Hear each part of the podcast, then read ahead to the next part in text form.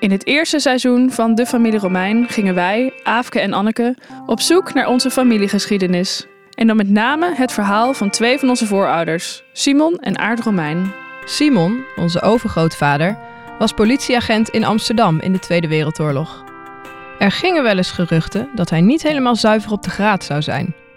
We gingen naar het Amsterdam Stadsarchief en vonden daar zijn ontslagpapieren van net na de oorlog. Maar hoe we ook zochten, er was nergens enig bewijs dat hij aan de kant van de Duitsers stond. Na de oorlog, toen collaborateurs hard werden aangepakt, kreeg Simon zelfs eervol ontslag en ging terug naar zijn geboortegrond in de Zaanstreek. Daar werkte hij tot zijn overlijden als verzekeringsagent. Hij heeft er natuurlijk wel voor gekozen om de hele oorlog bij de politie te blijven werken, terwijl de Duitsers daar de dienst uitmaakten. Dat is zo. Maar het kan ook maar zo zijn dat hij zijn positie heeft gebruikt om juist mensen te helpen. Hoe dan ook, we zochten verder naar het verhaal van onze oudoom Aart, Simons oudste zoon. Hij ging in de oorlog naar Duitsland. Eerst dachten we dat hij gedwongen werd tijdens de arbeidseinsatz. Maar waarschijnlijk is hij vrijwillig gegaan. Hij werkte er in een fabriek. Uiteindelijk, op tweede kerstdag 1944, stierf hij aan het Oostfront, vechtend voor de SS.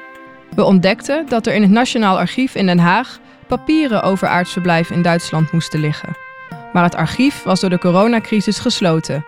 Dus we bleven achter met een groot vraagteken. Acht maanden later mogen we toch naar het archief. Van daaruit gaan we door met onze zoektocht, die je kunt volgen in nieuwe afleveringen van onze podcast. Wat deed Aard nou precies in Duitsland? Hoe en waar is hij gesneuveld? En, misschien wel de belangrijkste vraag, wat bezielde onze oudoom om te gaan vechten voor de Duitsers?